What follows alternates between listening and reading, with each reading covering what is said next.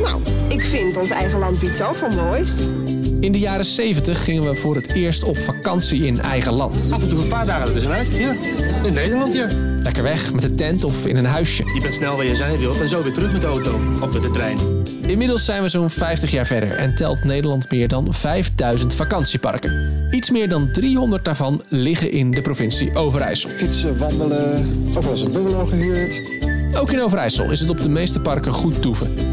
Je tent staat op een mooi veldje, de bungalows zijn goed bijgehouden en de sfeer is er uitstekend. Maar op iets meer dan een kwart van die parken is de situatie niet zo rooskleurig. Dat kan beter, vindt het expertisecentrum Vitale Vakantieparken Overijssel. Mijn naam is Segert van der Linden en in deze serie ga ik in gesprek met deskundigen over de toekomst van vakantieparken in Overijssel. Hoe kun je als lokale overheid invloed hebben op de vakantieparken in jouw gemeente? In deze podcast krijg je daarvoor de kennis, tips en inspiratie. In deze podcast praten we natuurlijk over de situatie op vakantieparken in Overijssel. Maar ook in andere provincies lopen programma's om vakantieparken te vitaliseren of soms te transformeren. In deze aflevering praat ik over de samenwerking tussen deze programma's. Hoe gaat dat en wat kunnen de verschillende provincies van elkaar leren? Ben je betrokken bij het maken of bijstellen van een programma voor het vitaliseren van vakantieparken, bijvoorbeeld als gemeentelijke of provinciale beleidsmaker? Dan krijg je in deze aflevering kennis en inspiratie. Vandaag aan tafel Rob van den Hazel, programmamanager Vitale Vakantieparken op de Veluwe. Welkom. Dankjewel. Ik ga jullie alle drie dezelfde openingsvraag stellen. Dus voor de anderen, jullie kunnen er nog eventjes over nadenken terwijl Rob antwoord geeft. Want Rob, in de afgelopen jaren, jullie programma loopt het langst van alle programma's eigenlijk hier aan tafel. Waar ben je nou trots op? Toen wij in 2013 begonnen, denk ik niet dat we toen het idee hadden dat we tien jaar later eh, nog eens een keer een handtekening zouden zetten voor nog eens een keer vier jaar.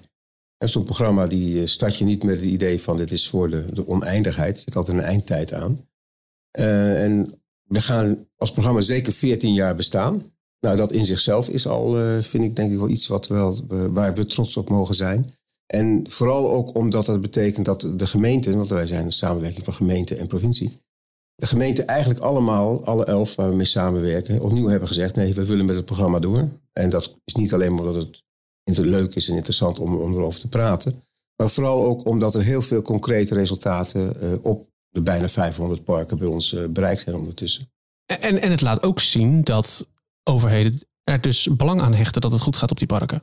Ja, ja, ik denk dat dat voor ons allemaal geldt. Hè. Wij, wij, wij spreken wel eens over de, de vergeten stad hè, op de Veluwe. Van uh, 500 parken, 3000 hectare, 22.000 fysieke objecten. En toen we begonnen was er geen beleid, op geen enkel beleidsterrein. En als je nu ziet, is er ruimtelijk beleid, er is veiligheidsbeleid. We zijn met duurzaamheid bezig. De sociale problematiek wordt aangepakt. En dat was allemaal uh, toen we begonnen, en dat geldt ook voor de andere, uh, andere gebieden, waren dat, dat onderwerpen waar ze niet mee bezig waren. Of ja. we niet mee bezig waren, moet ik eigenlijk zeggen. Dus, en dat is nu allemaal echt waar. Het is, um, elke gemeente bij ons heeft beleid, is met alle onderwerpen bezig. En dat in zichzelf is, nou, daar ben ik wel trots op. En als je dan heel praktisch maakt, twee weken terug waren wij op een werkbezoek op een vakantiepark bij een ondernemer. En want dat is uiteindelijk het niveau waar natuurlijk het moet, plaats moet vinden, de, op het parkniveau.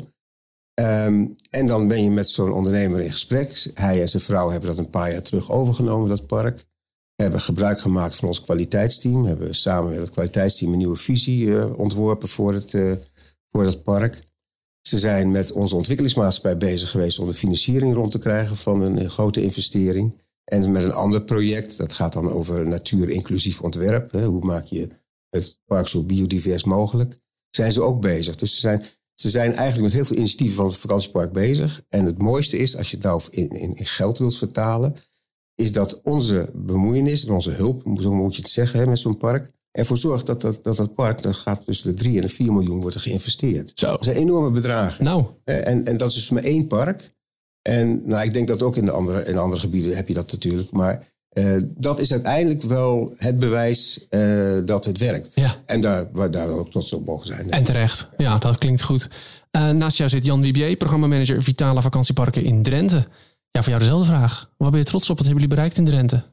Nou, ik ben, het sluit een beetje aan bij de opmerking van Rob, van Rob. Maar ik ben er wel heel erg trots op dat we vanaf het begin alle gemeenten Drenthe, de schaal is natuurlijk bij ons ook anders, maar er zijn er twaalf. De provincie, het rekenjaarschap en Hiswa Rekron hebben kunnen verbinden aan dit, uh, aan dit programma via, het, eh, via een convenant. Dus iedereen doet mee in Drenthe. Ook de gemeenten die uh, bij wijze van spreken nauwelijks of geen parken Oh, hebben. Dus ja. dat is wel een heel belangrijk eh, element. En daar ben ik vanaf het begin trots op geweest. En dat vertaalt zich dus ook wel uit. eh, of betaalt zich ook wel uit in die zin dat eh, ja, die betrokkenheid dus heel erg breed is. Ja, hoe, hoe krijg je dat voor elkaar? Want ik kan me voorstellen, als je als een gemeente, eh, we hebben hier ook gemeentes gehad die hebben 10, 20, 30 vakantieparken, dan snap ik dat dit een heel belangrijk speerpunt is. Maar als je er maar eentje hebt, of misschien geen één, zijn er vast ook wel. Eh, Hoe krijg je die mensen mee? Nou ja, het is, het is eh, denk ik vanaf het begin ook een, een soort voorwaarde geweest eh, eh, van de provincie Drenthe om eh, te participeren. Kijk, de provincie Drenthe is onze grootste financiële eh, donateur, zal ik maar zeggen.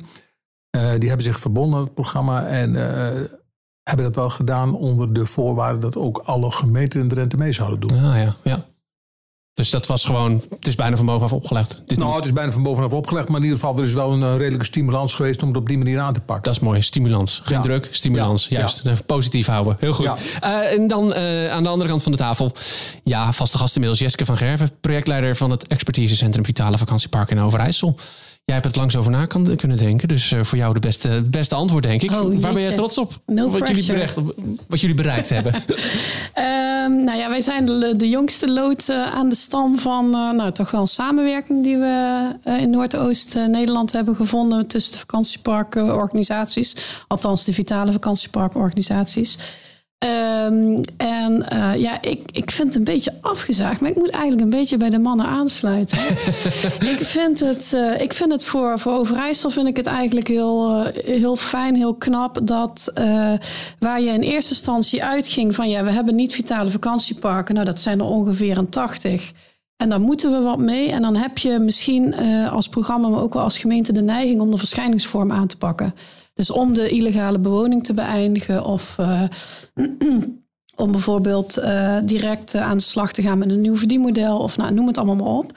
Maar wat ik heel erg fijn vind om te zien is dat gemeenten zich realiseren dat het eigenlijk in de haarvaten van beleid aangepakt moet worden. dat het eigenlijk uitwerkingen zijn van een hele hoop dingen die bij elkaar samenkomen, zoals een bestemmingsplan wat niet meer van deze tijd is. Of eh, eh, bepaalde eh, omgevingen waarin een ondernemer moet opereren. Of een eigenaarsvereniging die niet voldoende kracht heeft Ja. om op zichzelf te opereren. En ik vind het dus heel mooi om te zien dat, ja, dat we echt toekomen aan dat soort opgaven. Ja, wat we, wat we natuurlijk al vaker geconcludeerd hebben in de podcast, het is nooit één probleem of het is nooit één vaststaande oplossing. Nou, ik zie de heren aan de andere kant van de tafel knikken. Dat, zo werkt het op de Veluwe, zo werkt het in Drenthe natuurlijk ook. Het is nooit maar één dingetje. Er speelt Ja. altijd, bijna altijd meer dan, dan één ding eigenlijk. Ja. Wat ik trouwens nog wel goed vind, eh, om heel eventjes te duiden voor, eh, eh, voor de luisteraar dan, is dat we wel net een wat ander programma hebben in deze, in, in, in onze, eh, nou, in, in, in, op de Veluwe in Drenthe en in Overijssel. Nou, daar, daar ging mijn eerste vraag over een Oh, beetje. nou, ja, kijk. want ik was dan wel benieuwd. Ik heb natuurlijk inmiddels een beetje een beeld van hoe het in Overijssel allemaal gaat. hè. We, we zijn inmiddels acht afleveringen verder straks. Dus nee, ik heb een beetje een idee van hoe dat gaat. Ehm, ik, ik was wel eens even benieuwd waar dan inderdaad een beetje de verschillen zitten. Wat zijn dan bijvoorbeeld speerpunten in... Nou, laten we eens even beginnen in, in Drenthe. Wat zijn speerpunten van het programma in Drenthe? Nou, wij hebben het eh, via een aantal sporen aangepakt. Kijk, eh, ik denk dat dat... eh, nou, Jeske die duidt er al een beetje op, maar ze moet het zelf zomaar even toelichten. Wij hebben niet alleen gekeken naar, laat ik maar zeggen, wat voor problematiek is er op die vakantieparken en hoe moeten we het aanpakken. Maar we hebben ook een, een spoor wat zich vooral richt op het stimuleren van het ondernemerschap. En dat gaat uit van de parken die het wel goed doen. Dus het verder stimuleren van de ondernemer die met de betere Ja, ja. eh, parken aan de slag is. En daarnaast hebben we een, eh, een spoor, dat noemen we dan Nober in Drenthe. Dat is gericht op het aanpakken van sociale problematiek en kleine eh, criminaliteit op vakantieparken. Dus we doen het eigenlijk langs een drietal lijnen, omdat je inderdaad ziet dat het een, inderdaad een complex eh, vraagstuk is waar, eh, waar meerdere beleidsvelden mee in aanraking komen. En dat heeft ons eh, doen besluiten om het langs verschillende Ja. kanalen aan te vliegen. Interessant, die focus op, dat, op, dat, eh, op, op ook die, die sterke parken, zeg maar. Maar even, ja, we moeten een stikje Ja, altijd. is, ja, maar nou, ja, dat is zo. Nou ja, dat, dat, dat, daar zie je het ook wel weer ontwikkelingen zeer recentelijk waarvan je dan denkt, ja, hadden we dat een beetje anders moeten doen. We hebben daar bijvoorbeeld best veel eh, subsidiegeld in gestopt. Dat ging dan om een, spreken per park om een 100.000 euro. Onder de voorwaarde dat ook de ondernemer zelf daar eh, 200.000 eh, in stopte. Eh, maar je ziet dan bijvoorbeeld zeer recentelijk dat een aantal van die parken waar we dat gedaan hebben, die deden het inderdaad goed, deden het ook wel goed. Ja, die worden dan overgenomen door, eh, door grote ketens. Eh, en dan denk je na, na, na een half jaar, ja, verdorie, hadden we daar nou wel die, die 100.000 euro in moeten Ja, stoppen. Hè? ja, ja, ja. Ja, wat je wel, eh, eh, wat- wat, wat Jan eh, zegt van, eh, ja, jullie noemen dat dat accelereren spoor, hè? Die, die parken die het goed doen om die verder te ondersteunen. Dat hebben we in Overijssel feitelijk wel, maar dat zit in een ander programma. Eh, dus dat, daarom hebben we het er hier niet over in de podcast, maar het zit in het programma Gasvrij Overijssel. En dat, dat bestond al eerder dan het expertisecentrum. En toen is dus in een opdracht aan het expertisecentrum is dus gezegd van ja, je hoeft niet eh, eh, deze parken mee te nemen, omdat die dus op een andere manier bediend worden. Ja. Dus wel weer net op een andere manier dan, Ja, natuurlijk ja. dan dat in Ja, Twente ja. gebeurt. Maar, Ja, ja. ja. Ja, maar dat is juist het wel toch? Daarom voor. zitten we hier. Als jullie Ja. alle drie precies hetzelfde zouden doen, dan hadden we hier geen podcast over hoeven maken. Dat had niet zo interessant geweest. Eh, Rob, kom ik weer kom ik nu bij jou. Vanuit Vitaal Vakantiepark Veluwe hebben wij, kijken we eigenlijk op vijf manieren naar de vakantieparken. Vanuit innovatieperspectief, het ondernemerschap. Vanuit de transformatie, zeg maar de ruimtelijke agenda. eh, het veiligheidsvraagstuk, de ondermijning, maar ook de brandveiligheid. Sociale problematiek, hè, wat doen we met de mensen die daar, die daar wonen terwijl het eigenlijk niet mag. En dat zijn duizenden mensen, ook met een in een kwetsbare positie. En eh, de laatste lood is eigenlijk het duurzaamheidsperspectief. Ehm, en we kijken of vanuit die beleidsvelden zou je kunnen zeggen naar de vakantieparken. En op het park komt het allemaal bij elkaar. Nou, dat is een beetje de uitdaging natuurlijk, hoe je dat dan in de uitvoering bij elkaar gaat brengen. Als je dan kijkt waar we als, eh, als programma mee bezig zijn de afgelopen jaren, dan zie je een verschil in waar we onze meeste energie in stoppen. In de eerste jaren hebben we heel veel gedaan rondom de veiligheidsproblematiek. Dat was toen het meest urgent. Daar zat de politieke en bestuurlijke aandacht ook. Daar zijn we als programma heel hard mee bezig geweest. Dat heeft geleid tot een project als Ariadne, de controle en handhaving eh, versterken. Maar op het moment dat dat loopt, is de rol voor ons als programma houdt eigenlijk weer op. Want dan is het de verantwoordelijkheid van het veiligheidsdomein Ja, om het verder ja. uit te voeren. En zo zijn we ook met het ruimtelijk domein bezig. Zo zijn we nu met sociale vraagstukken bezig. En nu met, als laatste met de duurzaamheidsaanpak. Dus wij als programma, zijn, we zeggen ook altijd, wij maken geen beleid. Hè. Het beleid is aan anderen, aan gemeente, provincie. Maar wij moeten zorgen dat het uitgevoerd kan worden. En dan hebben we een, een bepaalde rol, maar die is ook weer uitgespeeld op een bepaald moment. Dus Ja. dan, doen, dan doen anderen het. En die, en die aandacht erop op, op het veiligheidsaspect, dat is natuurlijk ook, was ook wel logisch. Want dat was ook heel, erg- of werd ook heel erg ingegeven door de landelijke agenda. Kijk, eh, Ja. het ministerie heeft op een gegeven moment de landelijke actieagenda eh, het, het eh, licht laten zien. En daarin was dat veiligheidsaspect heel dominant. Dus dat, het lag ook heel erg voor de hand dat je daar in instantie de focus op legt. En is ook ergens ook heel logisch, hè, want dat zijn de dingen die, die ik ook als leek, daar denk ik gelijk aan. Als ik denk aan problemen op vakantiepark, dan is het eerste wat in je opkomt, is criminaliteit, ondermijning. eh, eh, Dat is toch een rare associatie bij vakantieparken. Ja, nee, nee, problemen op vakantiepark. Ho, ho, ho, ho, ho. De nuance. En Jullie werken nu samen als, eh, als, eh, als, als, als ja, provincies, regio's. Eh, hoe, hoe is dat ontstaan? Eh, wie is daar de aanstichter van geweest hier aan tafel? Ja, kijk, ik denk, kijk, Rob, hij zei het al, jullie zijn in 2013, 15? 13. 13 begonnen. Wij zijn vijf jaar later begonnen. En ja, wat doe je dan? Dan kijk je even om je heen. Waar hebben ze het, het voor een deel al uitgevonden? En dan ga je buurten. Zo is het eigenlijk, eh, wat ons betreft, in ieder geval in eerste instantie begonnen. En, en, ik, en, en ik mocht eh, aansluiten in het club. Ja, ja, ja. ja, Ja. Je mag lid worden. Ja, ja, ja. En, het, en het mooie was natuurlijk ook, of het mooie is, is dat we, dat we eigenlijk een beetje in, ja, in het noorden, het noordoostelijk deel van, eh, van Nederland Ja. liggen. En dat heeft er ook toe geleid dat we zelfs vol- vorig jaar ja, een formele samenwerkingsovereenkomst eh, hebben getekend. Ja. Om die eh, samenwerking nog verder eh, uit te nutten. Ja, wat je ziet is dat we in het eh, noordoosten van Nederland hebben toch net een wat andere uitdaging dan bijvoorbeeld aan de kust. Dus het is op zich eh, wel heel erg eh, prettig. Sowieso geografisch is het prettig. We zitten gewoon dicht bij elkaar. Bestuurders kennen elkaar. Het is fijn om, eh, om samen te werken, om, om ook nou ja, gedachten uit te wisselen. Eh, maar ja, het is gewoon ook, ook net weer wat, een andere, wat andere vraagstukken. Toen we begonnen op de Veluwe, we natuurlijk niet het idee dat dit een, een onderdeel zou, of iets zou doen in de nationale beweging. Maar het is natuurlijk hartstikke leuk. Ik bedoel, eerst met Drenthe hebben we maar best wel veel contact gehad. Hè? Bij elkaar op bezoek Ja, geweest. zeker. En later ook met Overijssel. Dat je ook door de, dat je de naam eh, van elkaar overneemt, word je, word je automatisch met elkaar sterker. Hè? En Vitale Vakantiepark, achteraf dacht ik, oh, we hadden die naam heet dat, eh, moeten registreren. Hadden we geld mee kunnen verdienen. maar ja, we zijn van de overheid. Een dus overheidsorganisatie. Dat, dat doen we dus maar niet. ja. Maar dat, dat helpt wel. En het helpt ook in de herkenning. En het helpt ook heel erg in, zeg maar, in de reden waarom wij dus die samenwerking met z'n drieën hebben. Op doelenniveau, wat we willen bereiken, lijkt het heel erg op elkaar. Ja. En we doen het allemaal met belastinggeld. En we moeten voorkomen dat we nou dat Jeske een, een onderzoek doet in, eh, in Overijssel en dat wij hetzelfde onderzoek doen in, eh, in, eh, op de Veluwe. En dus op die manier, dat was eigenlijk de hele praktische samen, aanleiding voor de samenwerking. Om te zorgen dat we zo zorgvuldig mogelijk met, met middelen omgaan.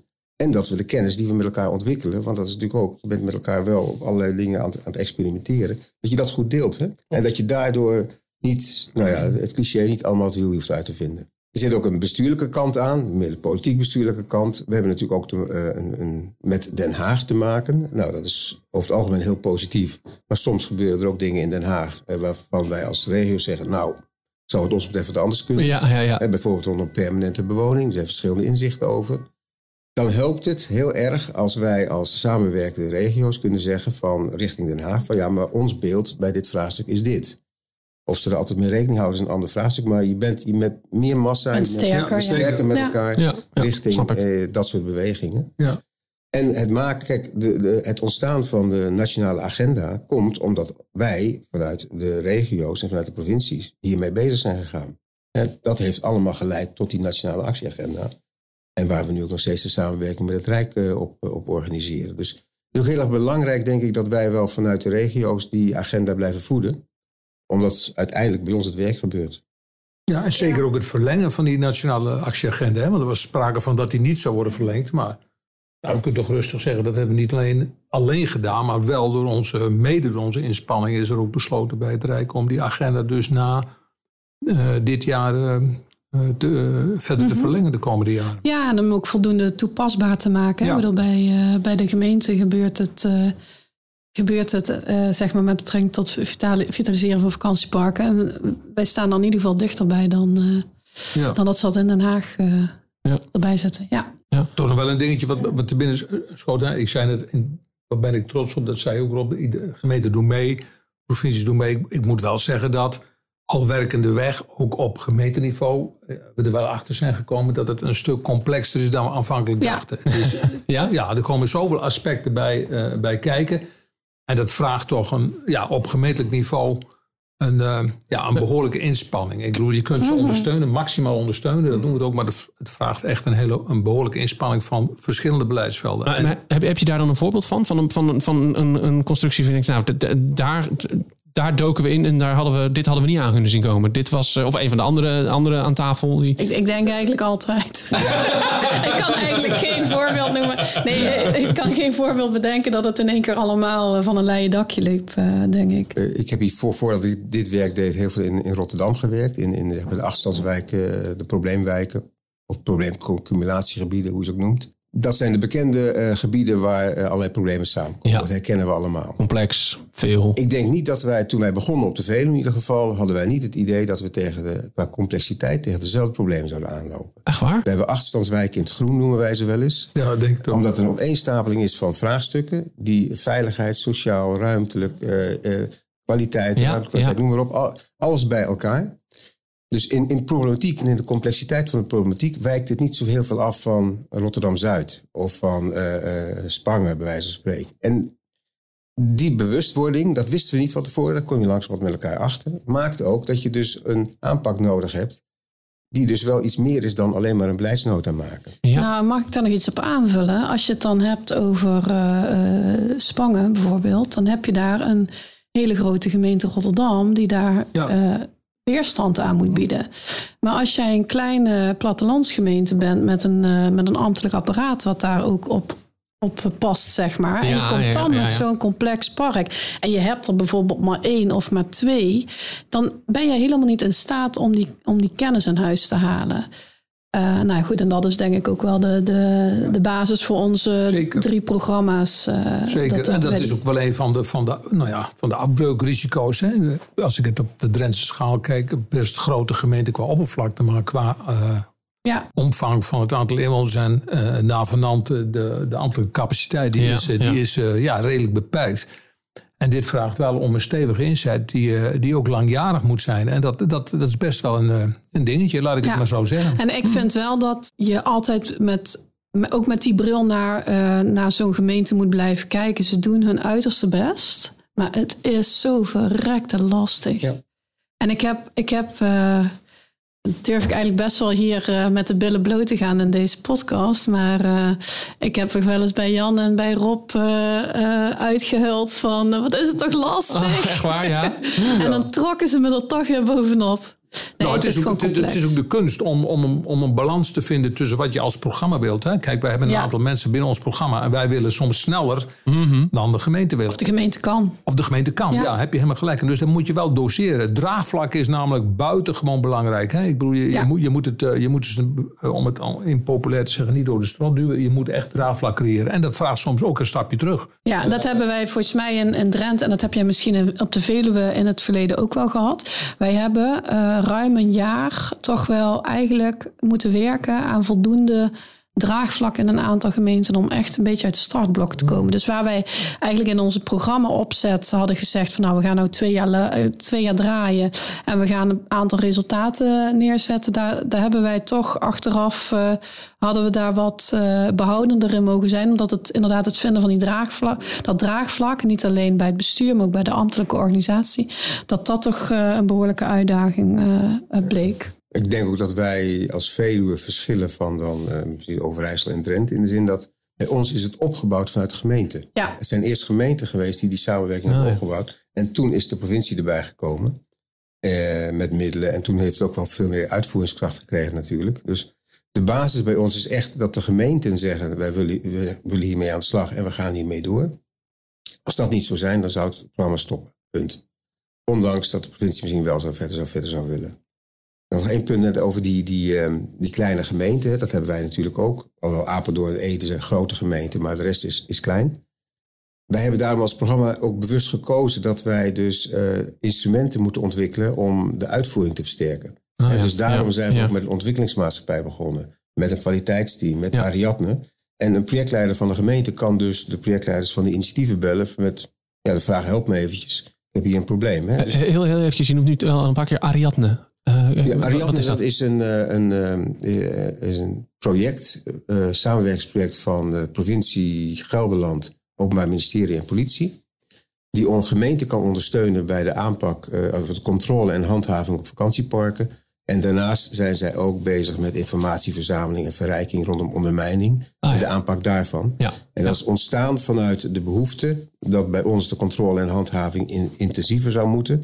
Alleen iedere gemeente afzonderlijk kan dat niet georganiseerd krijgen. Dat is complex werk.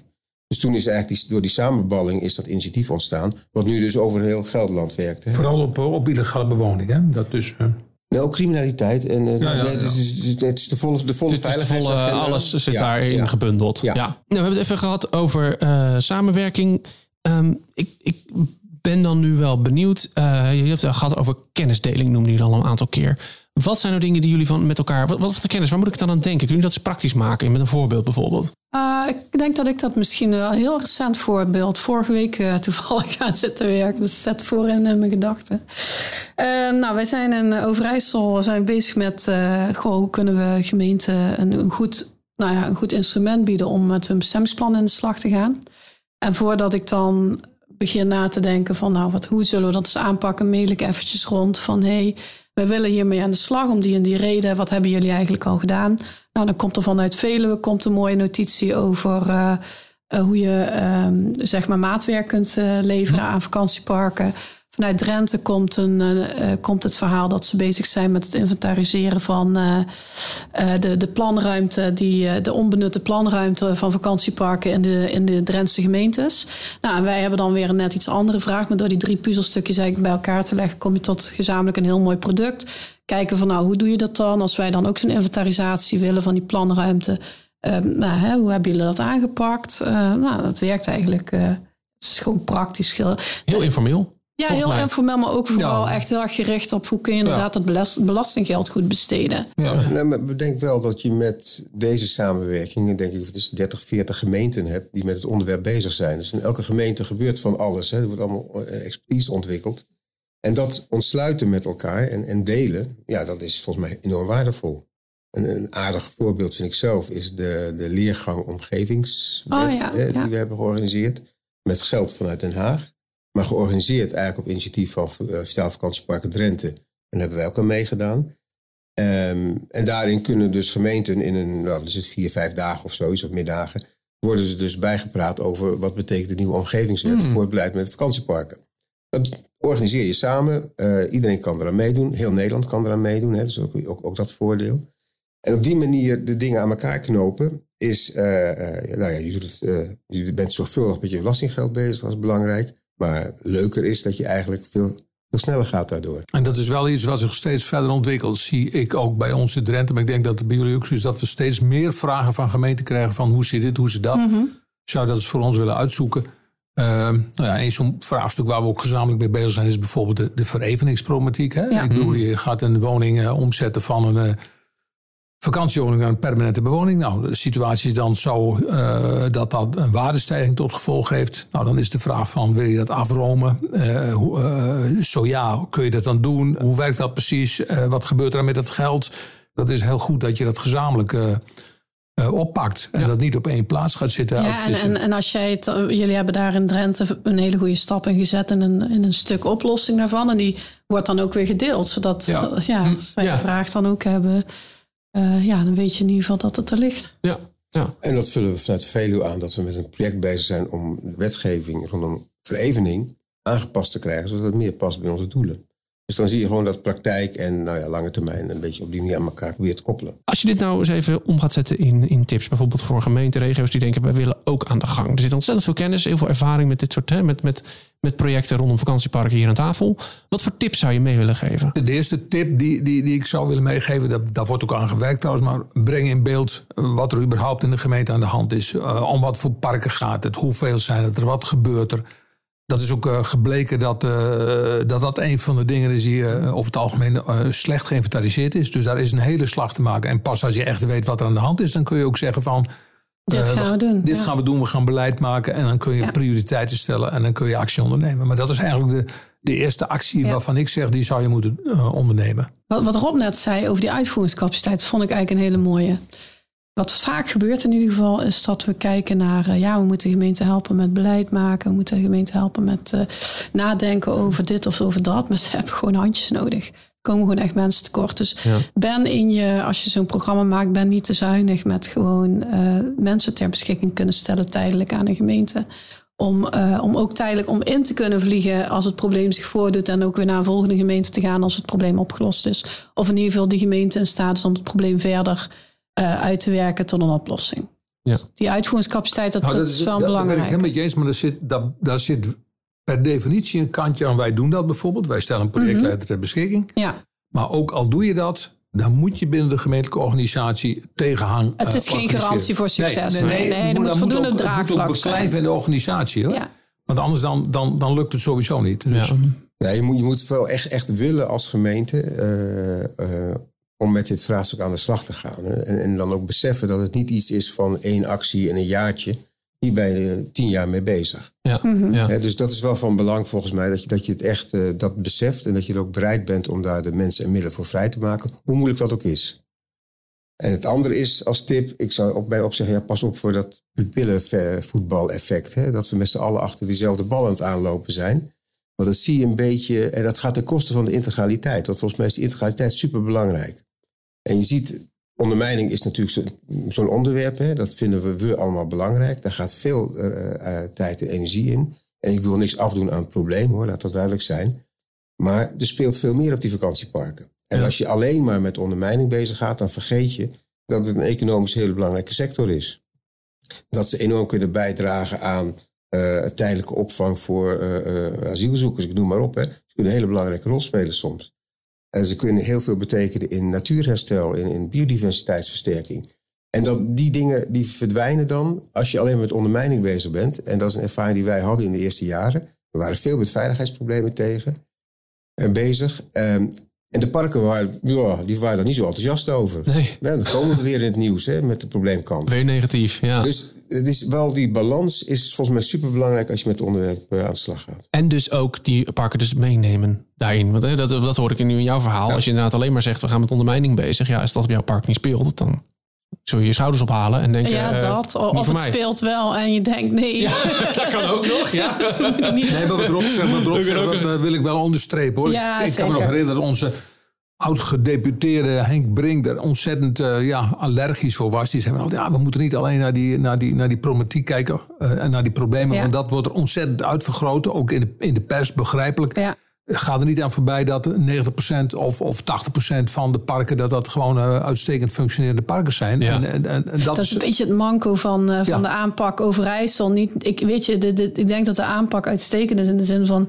Ja, dat zat al, dat positieve verhaal, dat was al ergens geparkeerd. Dus dat, dat was, ja, het, het was wat het was. Maar het, eh, wij zijn continu bezig om inderdaad te vertellen van... het is een belangrijke economische sector. Let op, met de meeste parken gaat het hartstikke goed. Dus ja, dat is, dat is een, een, een- signaal wat je continu moet blijven uitdragen. En dat is, eh, ja, jullie hebben dan prachtige programma's om die, om die, die vitale parken al te ondersteunen, waardoor je dat, waardoor dat dan wat makkelijker automatisch gaat om dat uit te dragen. Wij moeten het continu erbij zeggen. Ja, en ook in deze podcast moeten we het continu Ja. blijven benoemen. Want Ja. doordat je heel snel heel veel praat over oplossingen, praat je automatisch over problemen en over probleemparken. En vergeet je dat over dat overgrote Ja. deel van de vakantieparken, daar gaat het gewoon goed mee. Ja, De zeker. Veluwe is absoluut het mooiste gebied in Nederland.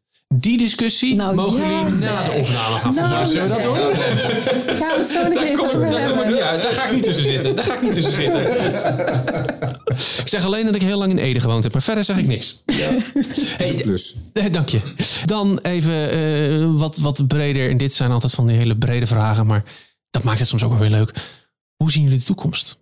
We hebben een eh, project gestart, dat heet het Park van de Toekomst. En dat gaat aan de ene kant over de verduurzamingsopgave van de bestaande parken. Maar aan de andere kant gaat het eigenlijk over het kijken... wat voor antwoord kunnen wij nu vinden op de vraag van... hoe ziet nou de verblijfsrecreatie op de Veluwe er over 20, 30 jaar uit?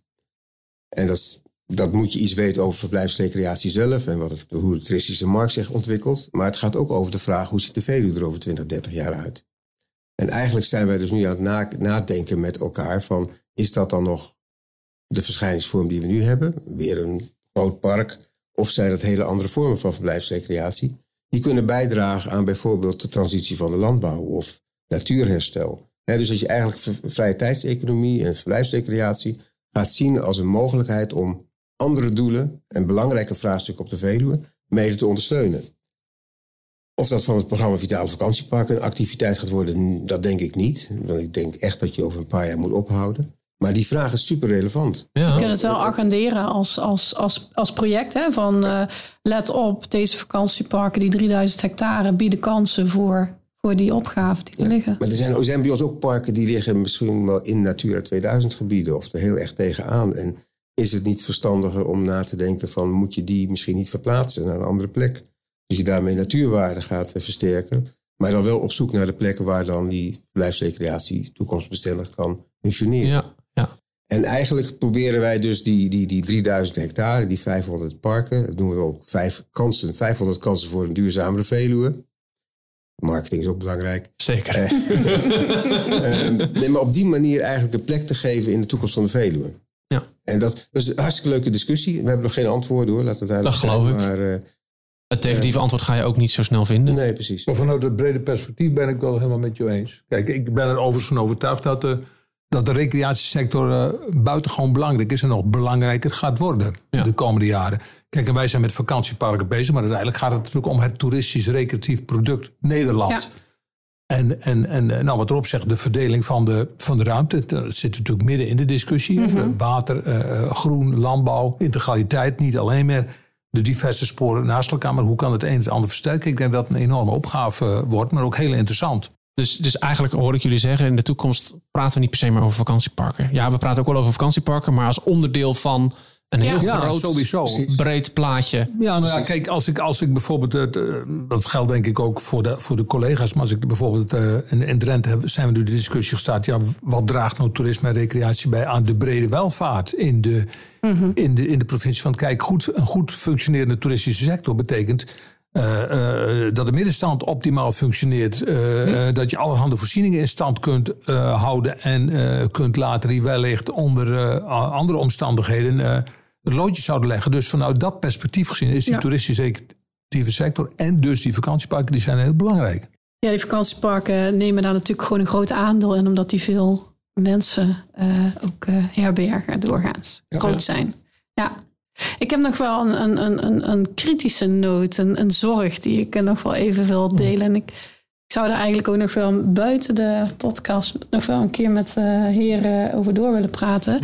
Nou, volgende discussie. Ja, nou ja, ik denk, dat, ik denk dat het bij iedereen wel een beetje borrelt. Uh, maar ik hoor het nog weinig uitgesproken worden. En dat is dat uh, de, de mate van uh, ontwikkeling van uitgeponden parken, waarbij een verhuurverplichting opgelegd wordt met een rendementsbelofte aan de, aan de koper even makkelijk gezegd, een park wordt aangekocht, een voormalige camping wordt aangekocht door, door een ontwikkelaar die daar kleine kavels van gaat maken en daar chalets op plaatst. En tegen de koper daarvan, dat zijn meestal particulieren, zegt van nou jij moet het verhuren. Ik ben, jou, ik ben de partij eh, die dat voor jou gaat doen. En jij krijgt vijf jaar van mij een gegarandeerd rendement. Nou, dat is vaak in de richting van 5, 6 procent. Dat is veel hoger dan dat, uh, dat je op de bank krijgt. Dus het is best wel een aantrekkelijk uh, verhaal. Althans, nou, op papier zal ik maar eventjes erbij zeggen. Uh, maar dat is, die 5, 6 procent is nou ja, in mijn, op mijn ogen niet houdbaar voor de lange termijn. Dus tegen de tijd dat die vijf jaar afloopt, gaat dat rendement gaat bijgesteld worden naar beneden.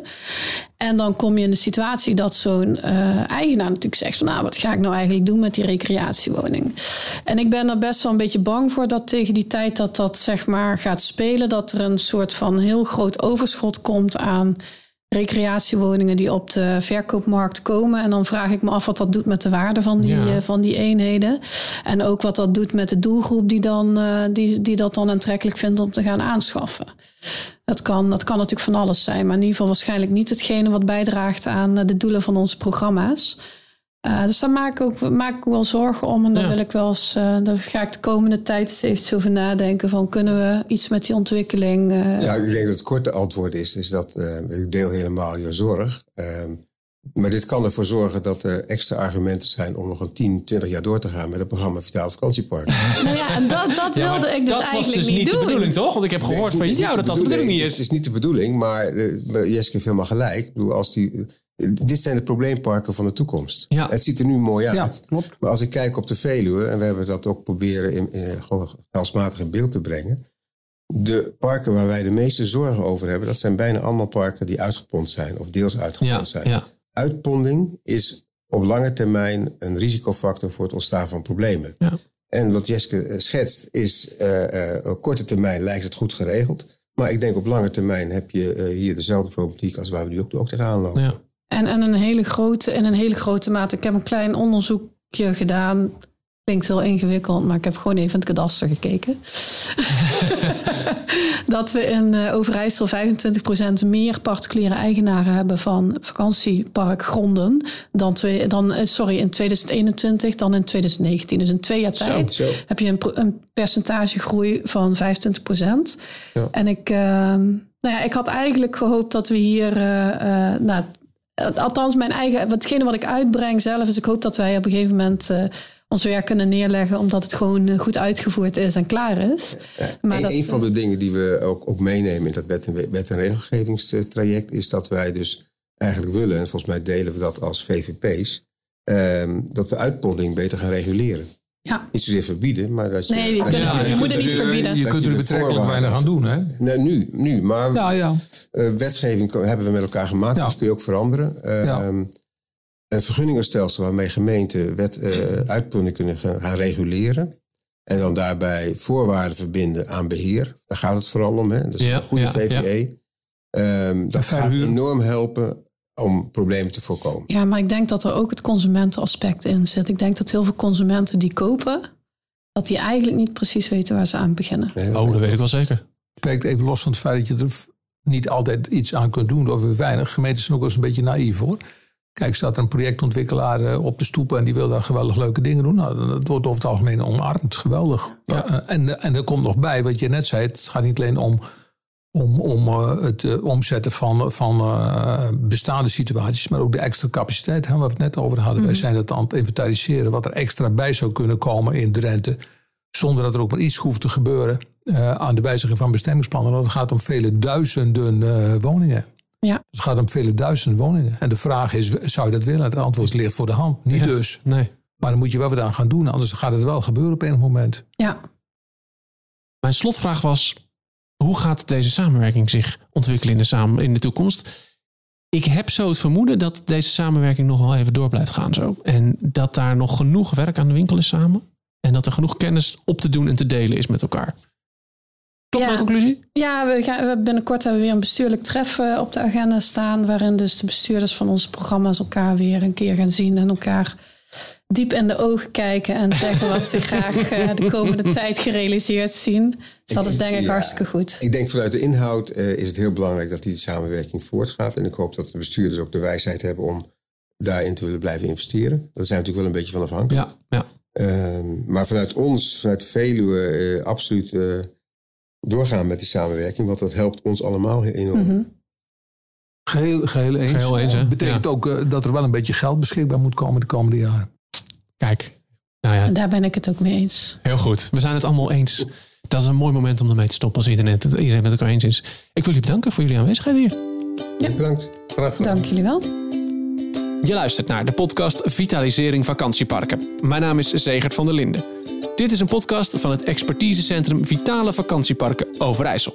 Vanuit Vitale Vakantieparken Drenthe komt er ook een podcast aan. Die begint binnenkort. Hou hiervoor hun kanalen in de gaten. Links daarnaar vind je in de show notes. Wil je meer weten over de onderwerpen uit deze aflevering? Kijk dan in de show notes of op expertisecentrumoverijssel.nl. Over twee weken staat er een nieuwe aflevering voor je klaar. Bedankt voor het luisteren en graag tot de volgende aflevering.